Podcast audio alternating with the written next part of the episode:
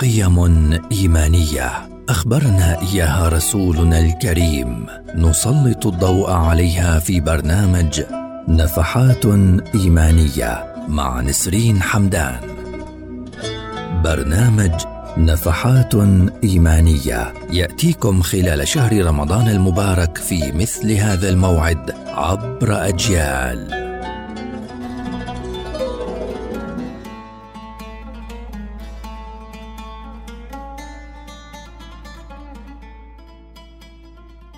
أسعد الله أوقاتكم سيداتي وسادتي في نفحات إيمانية وهذا اليوم فضيلة طلب العلم. أوجب الإسلام على كل مسلم طلب العلم فمن سلك طريقا يطلب فيه علما سلك الله به طريقا من طرق الجنة لأن القيام بالفرائض التي فرضها الإسلام يتطلب العلم بها.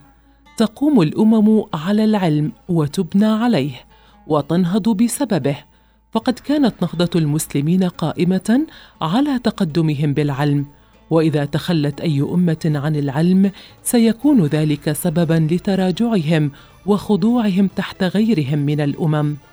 العلم طريق من طرق الدعوة إلى الله فينبغي على المسلم أن يصوب هدفه ونيته من العلم من خلال تعليم الناس وتفقيههم بدين الله ودعوتهم إلى الخير والحق.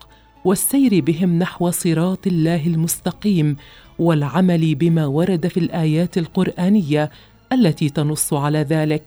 وهذه هي وظيفة المعلم الأساسية إرشاد الناس وإنذارهم وتحذيرهم من الجهل والمعصية. أما المتعلم فوظيفته الاستجابة لهذه التحذيرات والعمل بها. فالعلم طريق الجنة وسبيل الوصول إلى رضا الله. هو ميراث الأنبياء. قال تعالى بسم الله الرحمن الرحيم. يرفع الله الذين آمنوا منكم والذين أوتوا العلم درجات.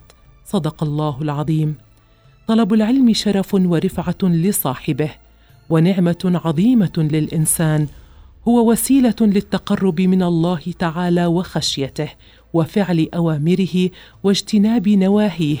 فكلما ازداد الإنسان علما زاد حرصه على الشريعة وتطبيقها بسبب معرفته بخالق الكون. وفي الختام نستذكر بسم الله الرحمن الرحيم قل هل يستوي الذين يعلمون والذين لا يعلمون؟ إنما يتذكر أولو الألباب. صدق الله العظيم. سيداتي وسادتي دمتم بكل خير وإلى اللقاء.